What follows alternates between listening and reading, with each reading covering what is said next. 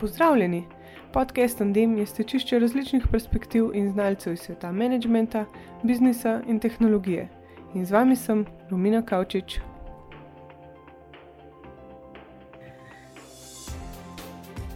Tretji najpogostejši strah je strah pred javnim govorjenjem. Zanimalo me je, kako se ga lahko znebimo, kako izboljšamo svoje komunikacijske veščine pri predstavitvah, pičih in na kaj moramo biti pri pripravah še posebej pozorni. V prvem delu pogovora sem se o komunikacijskih veščinah pogovarjala z Martino Merslavič. Martina Merslavič je licencirana trenerka komunikacijskih veščin po metodi Own the Room. Uslužbencem mednarodnih korporacij v New Yorku, Frankfurtu, Kopenhagnu, Rotterdamu, Budimpešti, Mihnu, Ljubljani in Zagrebu pomaga razvijati komunikacijske in posledično tudi voditeljske veščine. S svojimi izkušnjami pomaga dvigovati standarde na področju javnega nastopanja in organizacijskega komuniciranja. Posameznike in organizacije spodbuja, da spregovorijo izven cone obdobja. Trdno verjame, da je rast pogojena z vstopanjem v območje neznanega, s preizkušanjem novih pristopov in z učenjem na lastnih napakah. Martina je tudi odlična poznavalka trženja in komuniciranja in izkušena vodja projektov in poslov. Za svoje delo je prijela mnogo strokovnih nagrad, med drugim IABC Goldquill, EFI, Prisma in globalne nagrade Werner von Siemens Communications Award. Bila je članica žiri v sklopu festivala EFI, Prisma in najboljše letno poročilo. Dober dan, pozdravljeni v novi epizodi Tandema. Najprej me zanima, s čim se zadnje čase največ ukvarjate oziroma kdo je Martina izven delavnic, karijere in vseh poučevanj? Oh, okay. Najprej, kdo je Martina? Martina je mama ene lušne 14-letne. 14-letnega dekleta, je oseba, ki zelo rada kuha. To je ena taka kontemplacija ali pa neutralizacija po kakšnih napornih dneh. Uh, je oseba, ki je rada aktivna, rada sprehaja svojega psa in uh, rada posveti malo svojega časa, kadar le lahko tudi temu, da kaj prebere, tako zelo na hitro. Slišiš se super, motivacija še za naprej. Um, kaj vas je pa pravzaprav privedlo do, do poučevanja komunikacijskih veščin? Jaz sem že vse življenje, pa odraslo življenje, sem v komuniciranju, najprej v različnih vlogah v agenciji Pristop, kjer sem šla tako tipično pot od študentke, asistentke, preko vodje projektov, direktorice projektov, na koncu do uh, položaja mlajše partnerice. Bila sem tudi vodja uh, celega področja, to je bilo področje odnosov z javnostmi. To je bil tak prvi del te moje komunikacijske zgodbe. Potem sem okolje mečken zamenjala, sem se preselila v korporacijo, v Siemens, visoko tehnološko podjetje, kjer sem skrbela za korporativno komuniciranje v regiji Adriatic. In še na Siemensu sem se udeležila treninga On the Room kot udeleženka, In me je fasciniralo, kako so vsi udeleženci. Tam je bilo 20 ljudi iz različnih kulturnih okolij, različnih profesionalnih profilov, ampak čisto vsi so že v enem dnevu dosegli viden in bistven napredek v svoji sposobnosti nastopanja in prezentiranja. Je bila to ena taka transformacija pri res čisto vseh.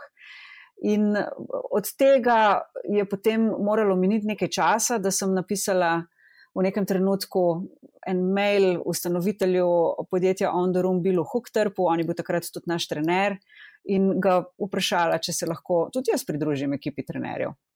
Aha, in pa ste šli na šolanje, ali kako imajo pa to?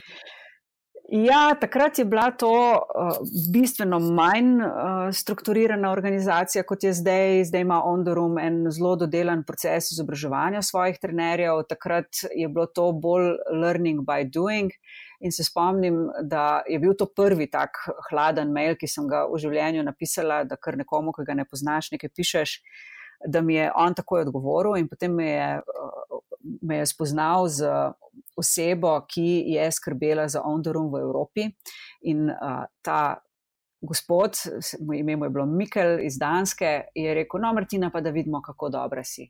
In pol se je tako počasi začelo, da smo organizirali prvi trening odprtega tipa v Sloveniji, uh, napolnili vse sedeže, že dobili tudi prve naročnike, in od tam naprej uh, je potem šla ta moja pot.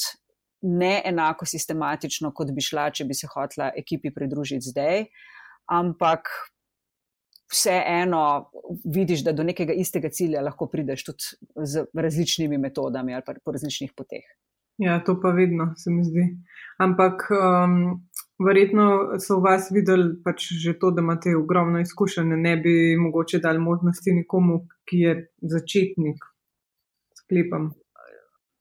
Ja, verjetno je to vse zelo pomagalo. Sigurno je zelo pomagalo to, da sem bila jaz kot udeleženka na treningu in je tale isti Bill Hookterp, ki sem opisala ta mail, videl, da imam malo talenta za to.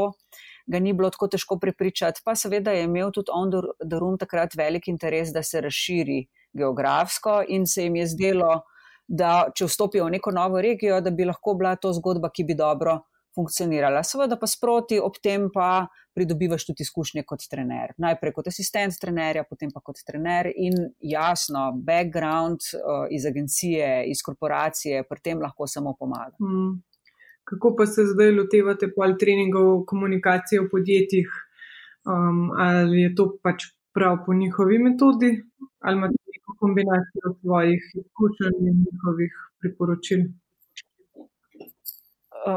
Ta metoda, ki, eh, na kateri slonijo on-the-room treningi, ena od njenih značilnosti je da, je, da se zahteva od nas, trenerjev, da vsem udeležencem, ne glede na to, na katerem delu sveta so, ne glede na to, kakšen je njihov profil, ne glede na to, kakšno delo sicer upravljajo, da ponudimo izkušnjo, ki je vsaj v 80% enaka. Kar pomeni, če bi vi, Rumina, šli na trening v Ljubljani, pa potem mogoče čez dve leti spet v Londonu, da bi imeli 80% enako izkušnjo. To je naša naloga in je to tudi prav, zaradi tega, ker je prvič ta tehnologija res dobro preizkušena in se ve, kaj deluje. Tistih 20% more pa vedno biti prepuščeno trenerju, da se prilagodi temu, kar so pa interakcije z konkretnimi udeleženci, kaj so njihovi interesi, kaj so njihovi običajni formati prezentiranja. In to razmerje v mnogih izvedbah treningov potem vidiš, da res dobro funkcionira, da se držiš osnov, potem pa imaš nekaj malega manevrskega prostora, da se prilagodiš glede na to, kdo v sobi sedi. Uhum. Kako se pa lotite treningov v podjetjih, ali so to manjše skupine, pa jih mogoče pogrupirate po um, poklicih ali, ali so vnukne skupine? Ja, skupine so precej majhne približno 10 do 20 udeležencev na enega trenerja, to pa zato, ker je trening izjemno interaktiven. In tisti, ki pridejo na tak trening, se potem 4 do 5 krat znajdejo pred kamero, seveda je treba potem te posnetke pogledati, in zato skupine ne morejo biti prav velike. Kako pa se staviti skupine, to je pa res čist prepuščeno tistim, ki tak trening v podjetju recimo organizirajo. In jaz mislim, da prav nekih pravil se ni treba držati, tako da bi morali biti recimo vsi finančniki skupaj ali pa vodstvena skupina skupaj ali pa vsi inženirji skupaj. Ni te potrebe, zaradi tega, ker sploh komunikacijski trening je zelo univerzalen.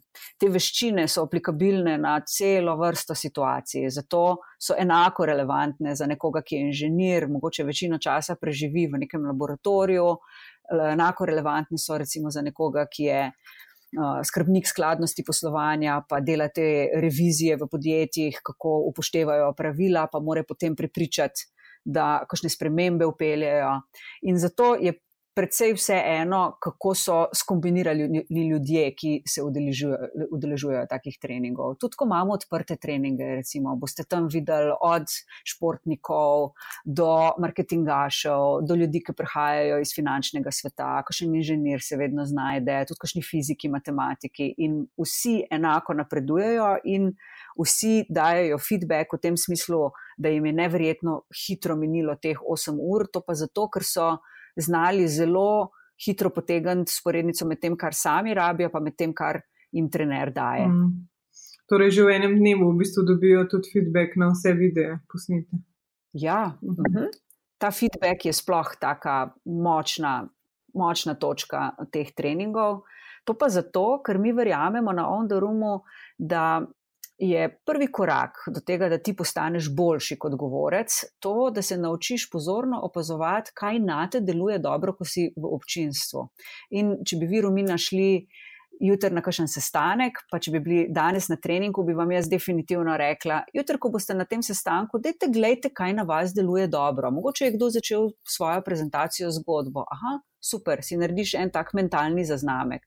Potem je kdo drug zelo lepo ilustriral kakšne številke, da niso bile to abstraktne številke, ampak da jih je ne, z neko analogijo ponazoril, ne, spet en mentalni zaznamek. In potem je to en tako ogromen bazen dobrih praks, ki jih potem lahko vlečete ven, ko je situacija temu primerna.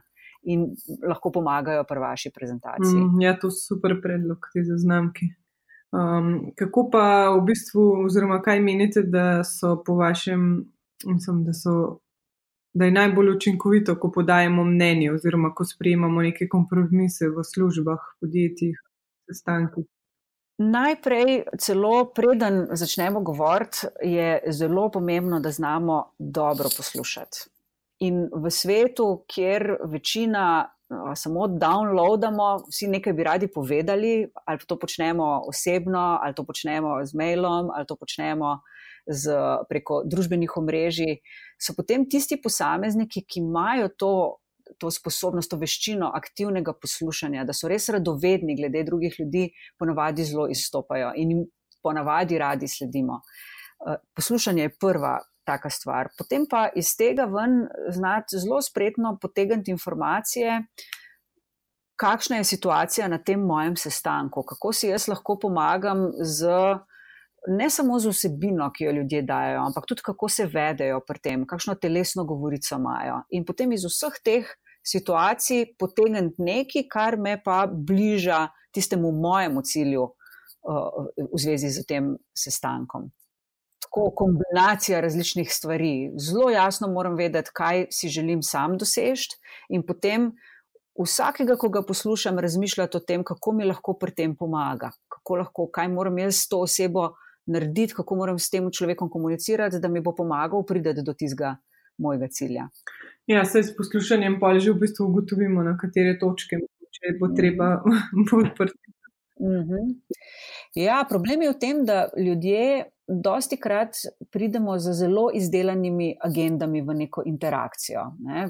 In potem tudi vprašanja, ko jih postavljamo, jih veliko krat ne postavljamo zato, ker bi bili iskreno radovedni, ampak jih zastavljamo zato, ker nas vodijo do, do tega cilja ali pa v skladu s to agendo. Ne? In je treba biti mogoče kdaj tudi mečem to svojo agendo na stran potisniti, zato da se res odpreš, da si radoveden glede drugih ljudi, da razmišljaš, če ti nekdo nekaj reče, zakaj je ta oseba rekla. Recimo, nekdo mi je dal en ugovor ali pa mi je zastavil negativno vprašanje. Zakaj, odkot pride to negativno vprašanje? A ga res zanima, ali res želi si nek, nek, nek problem razrešiti, ali pa ima mogoče nekaj drugega na agendi, ali si pa mogoče želi biti samo slišan. In če sem jaz sposobna tako neko sublimno informacijo pretvoriti v nekaj več in potem s tem dobro ravnati, zna biti, da bom do cilja hitreje prišla. Ja, ker bi v bistvu bilo kar neverjetno, da bi na prvem sestanku oziroma na katerem koli sestanku se več ljudi dokaj hitro strinjali. Sploh če gre. Ja, ja. Pogosto je tako, ja. da imamo več sestankov, da se strinjamo. Ja. Um, zdaj me pa zanima, glede na to, da poučujete po celem svetu, a se vam zdi, da ima pač tudi kultura veliko vpliv na to, ko poučujete, ali pa če morate tudi se pozanimati o kakšnih takih ekstra stvarih. Mm -hmm. Ja, uh, pričakoval bi, da, bo, da bojo te kulturne razlike ali pa nekaj, kar je v zvezi z kakšnim nacionalnim karakterjem ali pa način dela v različnih delih sveta, da bo imel zelo velik vpliv. Ampak se izkazuje, da je svet tako globaliziran, da te razlike škoda po svoje prihajajo vse manj do izraza. In uh, tako smo pred parimi leti, ko je On the Room vstopal na Kitajsko, smo se spraševali nekaj, kar je metoda, ki je bila zasnovana v Ameriki, pa vemo, da deluje v Ameriki, pa vemo, da deluje na tej zahodni hemisferi. A se bo obnesla tudi v enem čist drugem okolju? A bo to delovalo med kitajskimi udeleženci, recimo? In se je izkazalo, da je odgovor da, ne? da se udeleženci zelo podobno odzivajo, da se podobno odzivajo tudi na Bližnjem vzhodu, da se podobno odzivajo tudi v Afriki. Uh, sicer v Evropi se nam kdaj zgodi, da dobimo komentar, da naj ne bo trening preveč ameriški, in zato se seveda temu prilagodimo na ta način, da treninge v Evropi izvajamo trenerji, ki smo iz Evrope in nam je bližje, bližje ta, ta evropski kulturni moment, pa evropske kulturne značilnosti. Aha, kaj pa ne bi bilo, recimo, toliko ameriškega, da naj ne bi delovalo na evropskem trgu? Recimo tak konkreten primer je telesna govorica. Američani so zelo dinamični v svojih prezentacijah in uh, zelo uh, nezadržani v tem, kako, kako tudi nekaj, kar je sicer formalna situacija, uh, kako potem uporabijo za to, da vseeno izrazijo to svojo dinamiko. In njih boste videli, da zelo uporabljajo telesno govorico, da mogoče potrebujejo mačken manj osebnega prostora, da so manj formalni, oni ne dajo prav dosti na te akademske nazive, zelo hitro grejo na ti, postanejo, se začnejo šaliti z, z ljudmi, ki so na sestankih. In recimo, ko uh, prideš v kakšno nemško korporacijo, potem uh, dosti krat slišimo, da je treba biti pa na tej točki mrčken previden. Ampak kaj se potem izkaže, ko imajo pa ljudje možnost in ko vidijo, da niso nič kaj zamejeni za neko strukturo ali pa z nekimi pravili igre, ki sicer veljajo, da jim pa to zelo paše. Mm. Tako da ravnotežje je tisto, kar je pomembno, pa spet senzibilnost. In zna biti, da tisti, tista oseba, ki naroča trening za svojo ekipo, je morda malo bolj previdna, ti pa potem kot trener, ko vidiš, da se oni dobro odzivajo na nekatere stvari, potem lahko tudi te momente mečken bolj izraziš. Uh mhm. -huh. Ja, ni, ni vsaka druga beseda amazing. Ja. ja, no, to je že ena, to je že ena, ena taka stvar ki uh, je pa tudi na strani Evrope včasih stereotipna. Ja, američani zelo radi pohvalijo, so pa tudi zelo spretni v granularnosti teh svojih pohval. In bojo, zna biti, da bo prva beseda amazing, potem bojo pa zelo konkretni, ko bojo povedali, kaj je bilo pa amazing. In bo to, se bo to slišalo na način, joj, Martina, uh, trening je bil amazing, zelo mi je bilo všeč, kako si ti dajala feedback na vsakega posameznega udeleženca tako se potrudijo, je tudi kakšno stopničko dlje potem. Mm. Ja, tukaj je pa že malo bolj verjetno. Vse poprek hvaljenja. Um. Ja, bolj kredibilno zveni, če si v teh komplimentih zelo natančen in če se komplimenti ponavadi nanašajo na dejanje, ne pa na osebo ali pa ne na, ne na kakšno osebno značilnost. Ja. Kaj bi pa po vašem mnenju rekel, da um, sem, kako bi poskrbeli, da je cela soba naša? Pač, Ja, ponavadi je to lažje uspeva ljudem, ki jih ni strah biti avtentični. Uh, lažje to uspeva ljudem, ki so kar mal zaljubljeni v svoje sporočila. In če bi šli zdaj virumina pogledati nazaj čez uh, prezentacije, ki ste slišali, bi verjetno ugotovili, da, da, da so precejšnje razlike med nekim hladnim ekspertom, ki sicer zna zelo dobro pojasniti neke stvari, pa med nekom, ki je res notar, ki ima rad to, kar dela. Ta, te emocije se zelo nalezejo, se jih ljudje iz občinstva in to ponavadi dobro deluje. Eh, pa tudi to, da imaš, ko vstopiš v tisto sobo, neke jasne cilje začrtane. To pomaga pri tem, da imaš dobro strukturo prezentacije. Seveda, pa na koncu pridejo tukaj cela orodjarna nekih veščin, nekih tehnik, ki se jih je pa zelo preprosto naučiti. Mhm kaj bi pa izpostavili v bistvu kot ključne um, veščine, oziroma pač glede priprave, ko delamo neko prezentacijo, lahko za primer vzamemo TEDx. Mm -hmm. Prva stvar, kjer tudi največ govorcev, ki jih jaz tako na ključno vidim, naredi napako, je, da je treba začeti od konca. Prezentacija se ne začne z naslovom, pa potem dajem noter slajde, glede na to, kaj menim, da moram povedati, ampak se začne z vprašanjem, če bi ljudje, ki so v mojem občinstvu, imeli možnost napisati en tweet, celo mojo prezentacijo povzeti v enem tweetu, kaj bi jaz rada, da bi tam noter pisali. Kaj je tisto moje ključno sporočilo? In uh, pregovor, dajte mi več časa, pa vam napišem krajše pismo, tukaj zelo velja. Zna biti, da boste porabili par ur v tem samo izpraševanju, v razmisleku, kaj je to ključno sporočilo, kaj želite res tem ljudem pustiti, kje jih lahko premaknete v svojo smer, potem bo pa vse ostalo šlo z lahkoto. In zna se zgoditi, da če tega ne naredite, da boste potem porabili mogoče malo manj časa za samo prezentacijo, ampak učinek pa ne bo čisto ta prav. Se pravi, začnite vedno od konca. Kaj naj si oni zapomnijo? Ta druga stvar, dramaturški lok. Ne začenjati prezentacij z. No, moje ime je Martina Mrslavič, hvala organizatorjem, ki so me povabili, vesela sem, da sem tukaj in s podobnimi običajnimi uvodi.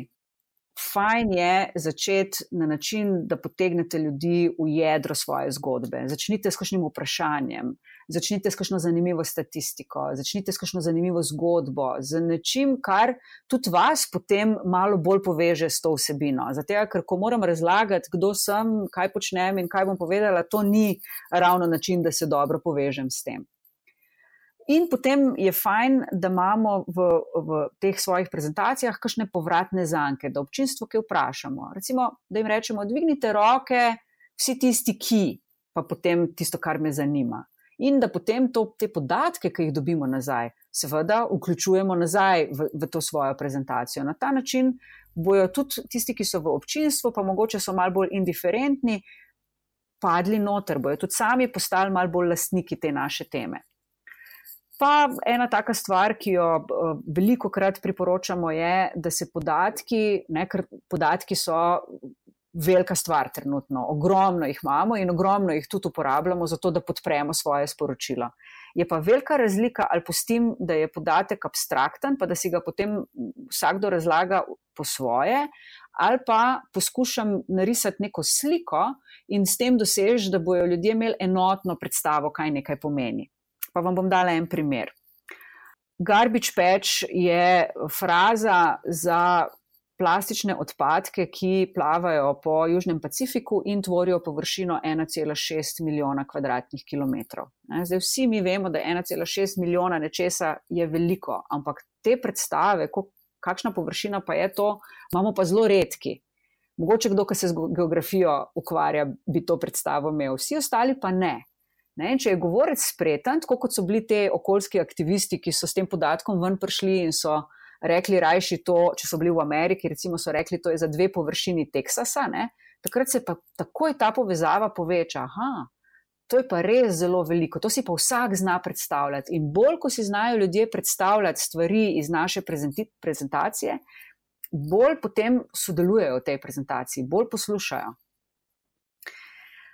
Pa še ena taka stvar je, recimo, um, ne, vsi mi smo zelo, se, se nam zdi, da moramo biti zelo profesionalni, da moramo biti zelo podatkovno podprti, da moramo biti zelo strokovni. Ampak uh, tukaj prav pride citat uh, Maje Angelu, ki je rekla: Ljudje bodo pozabili, kaj ste rekli, pozabili bodo, kaj ste naredili ampak nikoli ne bodo pozabili, kako so se ob vas počutili.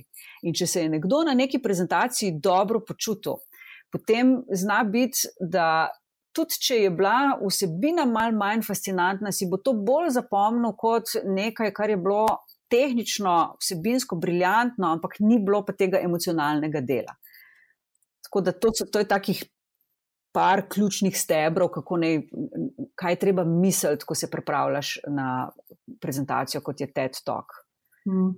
Tukaj spet pridemo do avtentičnosti, ki je vsako, vsekakor pač pomembna, ne glede na to, ali imamo prezentacijo ali pa smo samo na sestanku. Um, zato me zanima, ali bi rekel, da je pa ta govorica telesa. Naprimer, če je nekdo mogoče bolj sramežljiv ali pa ni navajen govorjenja, da bo bolj prišel do izraza, če bo pač on, on, pa tudi če bo tam na miru, kot da se prsil in je mogoče preveč ameriški. ja. Zdaj, tisti, ki imajo tak strah pred javnim nastopanjem, se najtežje pristno izražajo. Zato, ker jih ta trema toliko blokira, da potem vse tisto, kar je njihov potencial, kar so te njihove drobne značilnosti, mogoče kakšen smisel za humor, ali pa sposobnost, da nekaj zelo jasno povejo, ali pa sposobnost, da kakšno sliko zelo dobro narišejo, da nam dajo te dobre analogije, da jih to potem kar mal zaustavi. Poznam pa kar nekaj primerov ljudi, ki so to z pripravami, s treningom premagali, in potem, ko so prišli, ko so vseeno uporabili kakšne tehnike, res preproste. Se jim je zgodilo pa to, da so sami sebe zalotili, da prezentacije večkrat bolj uživajo kot eno tako drogo, da bi dobili prijetno, koristno. In potem, ko so videli, da je to možno doseči, so si naslednji zaželeli še malo več tega, pa še malo bolj delali na tem. Eh, mislim, da je velika napaka, ki jo delamo, da računamo s tem, da se bodo te stvari zgodile intuitivno. Vse ne. Vsak napredek terja mečken stopanja izven cone obdobja, početja stvari, ki jih naravno ne bi počeli ali pa jih ne zmoremo, in seveda je to povezano tudi potem z občutkom nelagodja. Ampak, če imaš ta pogum, če probaš narediti kaj, kar običajno ne bi počel, potem je velika verjetnost, da se bodo ljudje odzvali na to z, ne vem, bojo potrpljali po vrami, pa bojo rekli, o, kakšna dobra prezentacija. Se ne bojo rekli, joj, fenomenalna, 1,5 sekundna pauza na slajdu številka 25. Ne, ne, ne bojo tako artikulirani, ampak videli pa bojo, da se je nekaj prijetnega jim zgodilo, ko so bili v občinstvu. In potem se začne pa ta pot napredka. Ni pa preprosta. In so ljudje, ki imajo afiniteto do tega, ki blazno radi javno nastopajo, oni grejo tudi lahko še više in so še lahko še boljši, ampak vsakdo pa lahko začne. Ja, se v bistvu se za vse v življenju treba malo potruditi. Absolutno. Um, v eni od vaših kolumn ste zapisali, da je v bistvu prezentacija kot tekma za pozornost. Glede na to, da današnji svet zelo funkcionira z vsemi možnimi napravami in telefoni, bi rekel, da je danes teže prepričati ljudi in pustiti neko tis, sploh ker je pač večina ljudi vedno na teh uh, konferencah na telefonih. Mm -hmm. Ja, to je tako zoprno dejstvo, da se danes nihče več ne čuti dolžan poslušati. Včasih si šel na kakšno strokovno konferenco, pa že iz tega občutka odgovornosti, da si tja šel, si potem se potrudil biti pozoren na to, kaj je predavatelj govoril. Danes je tega vedno manj. Tudi zato, ker je teh impulzov, ki jih mi dobivamo preko vseh možnih naprav, vedno več. In nekje sem zasledila en podatek, zdaj to je seveda težko izmeriti, se mi je zdela pa zanimiva primerjava, da danes mi v enem dnevu dobimo toliko informacij, kot jih je nekdo v srednjem veku prejel v enem letu. E, zdaj, če sem jaz, če nekaj govorim, potem z vsemi temi impulzi tekmujem. In moja naloga je prvič, da se zavedam, da sem jaz odgovorna za to, da je občinstvo fokusirano na me. Ni občinstvo odgovorno, jaz sem, jaz moram za to poskrbeti. In drugo je, da sem lahko mirna pri tem, zato ker vem, da imam na voljo kopico preprostih tehnik, s katerimi jih vedno lahko mečken povlečem nazaj od njihovih telefonov. Da, kako to naredim, zelo različne stvari so. Recimo, začnem z eno dobro zgodbo, pa me vsi pozorno poslušajo. Potem, ker slučajno govorim o GDPR-ju, moram pokazati par dolgočasnih slajdov, pozorno spade, vsi grejo na telefon. Potem bom mogoče pri naslednjem slajdu večkrat znižala glas. In s tem, ko ustvarim eno tako spremembico, se že zgodi, da aha, pozornost večkrat naraste. Ljudje, kaj se pa zdaj dogaja? Ena sprememba je bila, da jim spet malo poslušati, pa bo spet za minuto moji. Pa bom potem spet morala pokazati mogoče par kompleksnih slajdov z zelo velikimi linijami, pa mi bojo spet odplavali, pa bom potem uporabljala ime koga.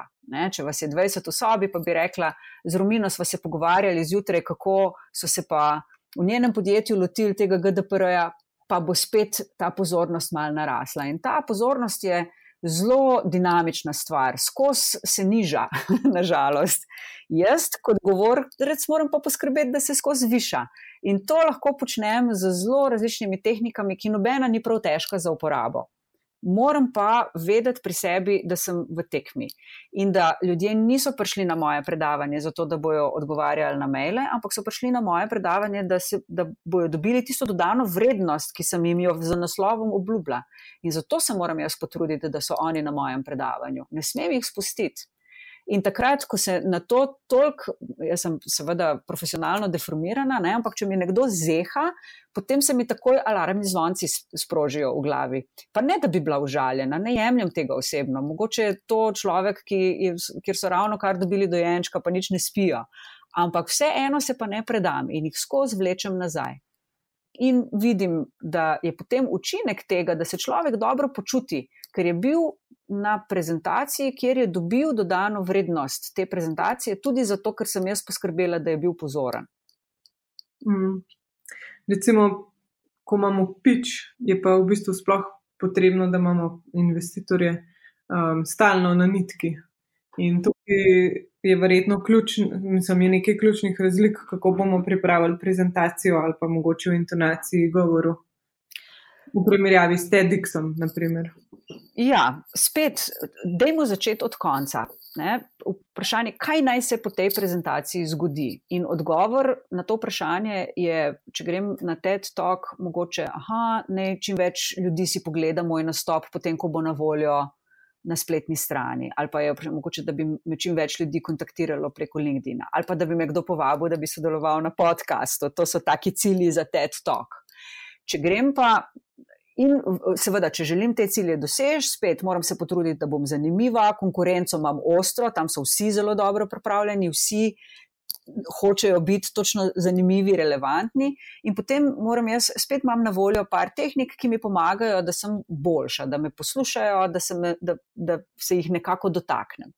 Če grem pa jaz predstavljati svoje podjetje investitorjem, potem pa je cilj drugačen. Si moram pa zboriti, da bojo hotel mogoče narediti skrbni pregled ali pa da bojo želeli nadaljevati pogovore z nami ali pa da bojo mogoče kakšno odločitev sprejeli. In v tem pogledu potem verjetno, ne glede na to, da je v obeh primerih podjetje, ki je zvezda te ali pa tema te prezentacije isto, da bodo sta to dve popolnoma drugačni prezentaciji po vsebini. Po prezenci pa po formi pa ne nujno. Tako da je treba vedno gledati obe strani, kaj povem, pa tudi kako povem. In spet napaka, ki jo tukaj pogosto opazimo, je, da ne, mi smo zelo fascinirani s tem, kar počnemo. Jaz sem zelo fascinirana s tem, kakšna je metoda on the room, ker vem, da res deluje. In potem smo nagnjeni k temu, da o tem zelo veliko govorimo. Treba je obrniti zgodbo, vedno razmišljati o tem, kaj pa osebi na drugi strani nekaj pomeni, kaj pa bi njih zanimalo, kaj pa je za njih korist. In če me posluša ena tako splošna publika, ki gre iz zanimanja na TED dogodek, je ta korist, rad bi se imel fino.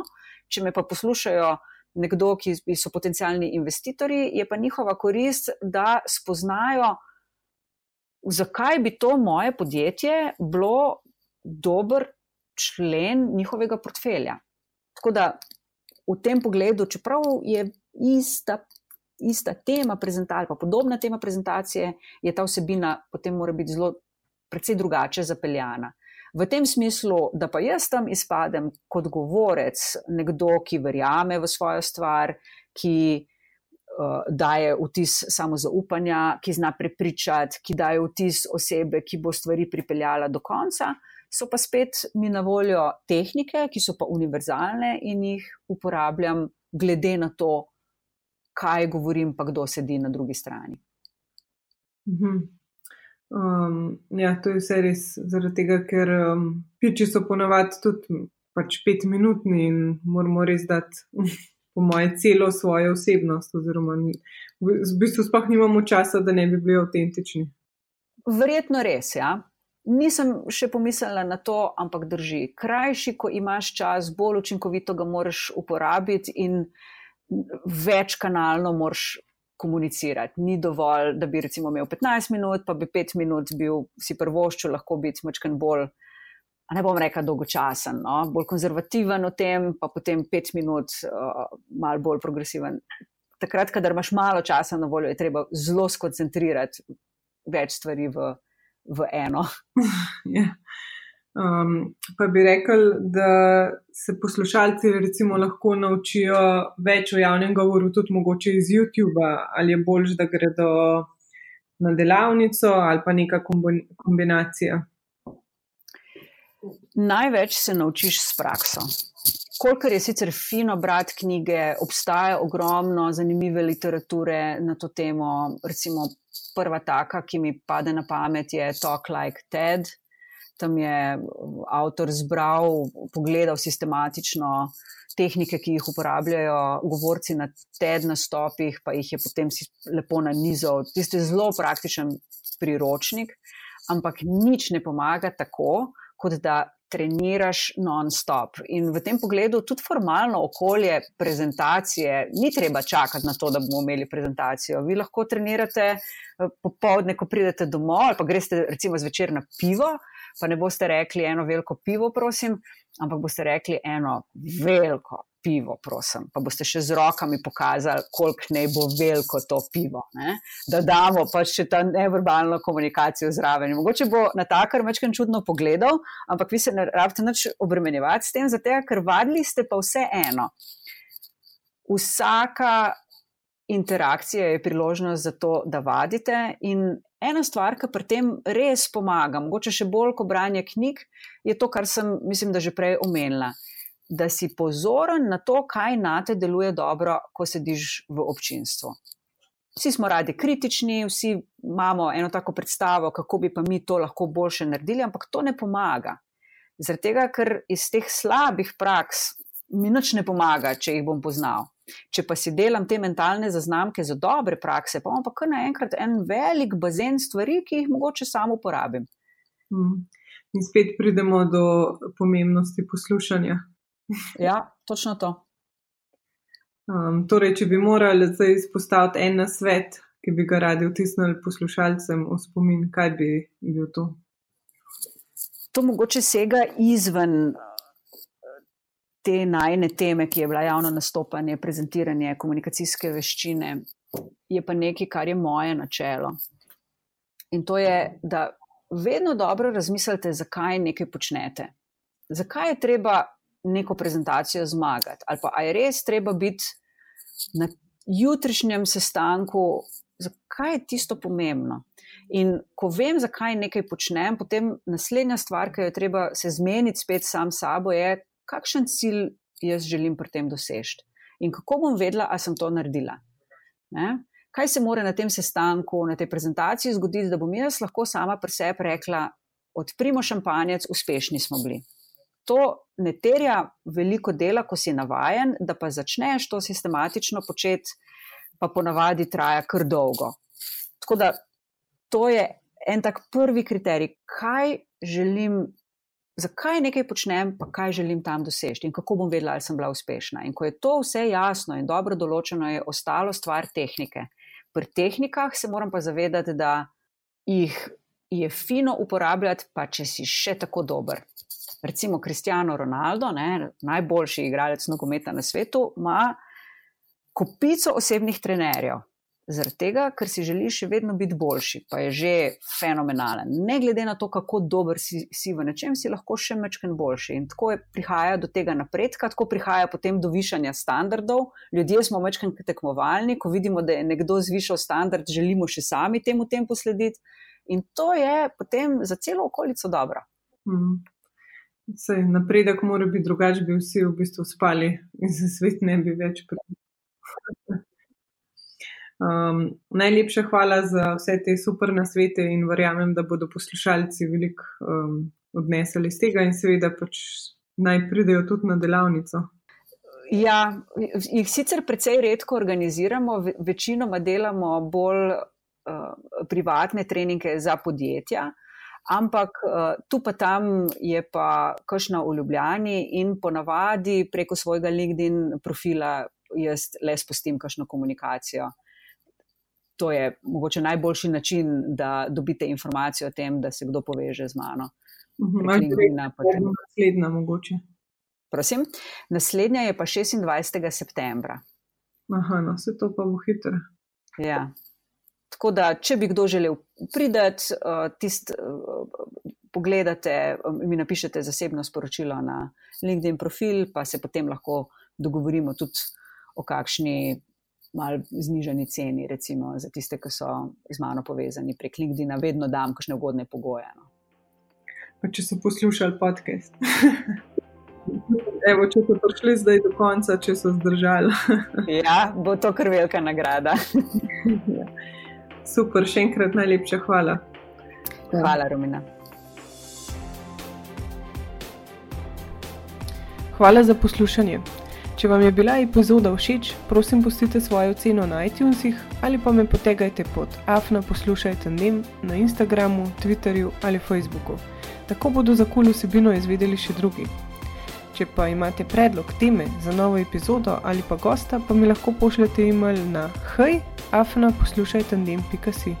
Se slišimo!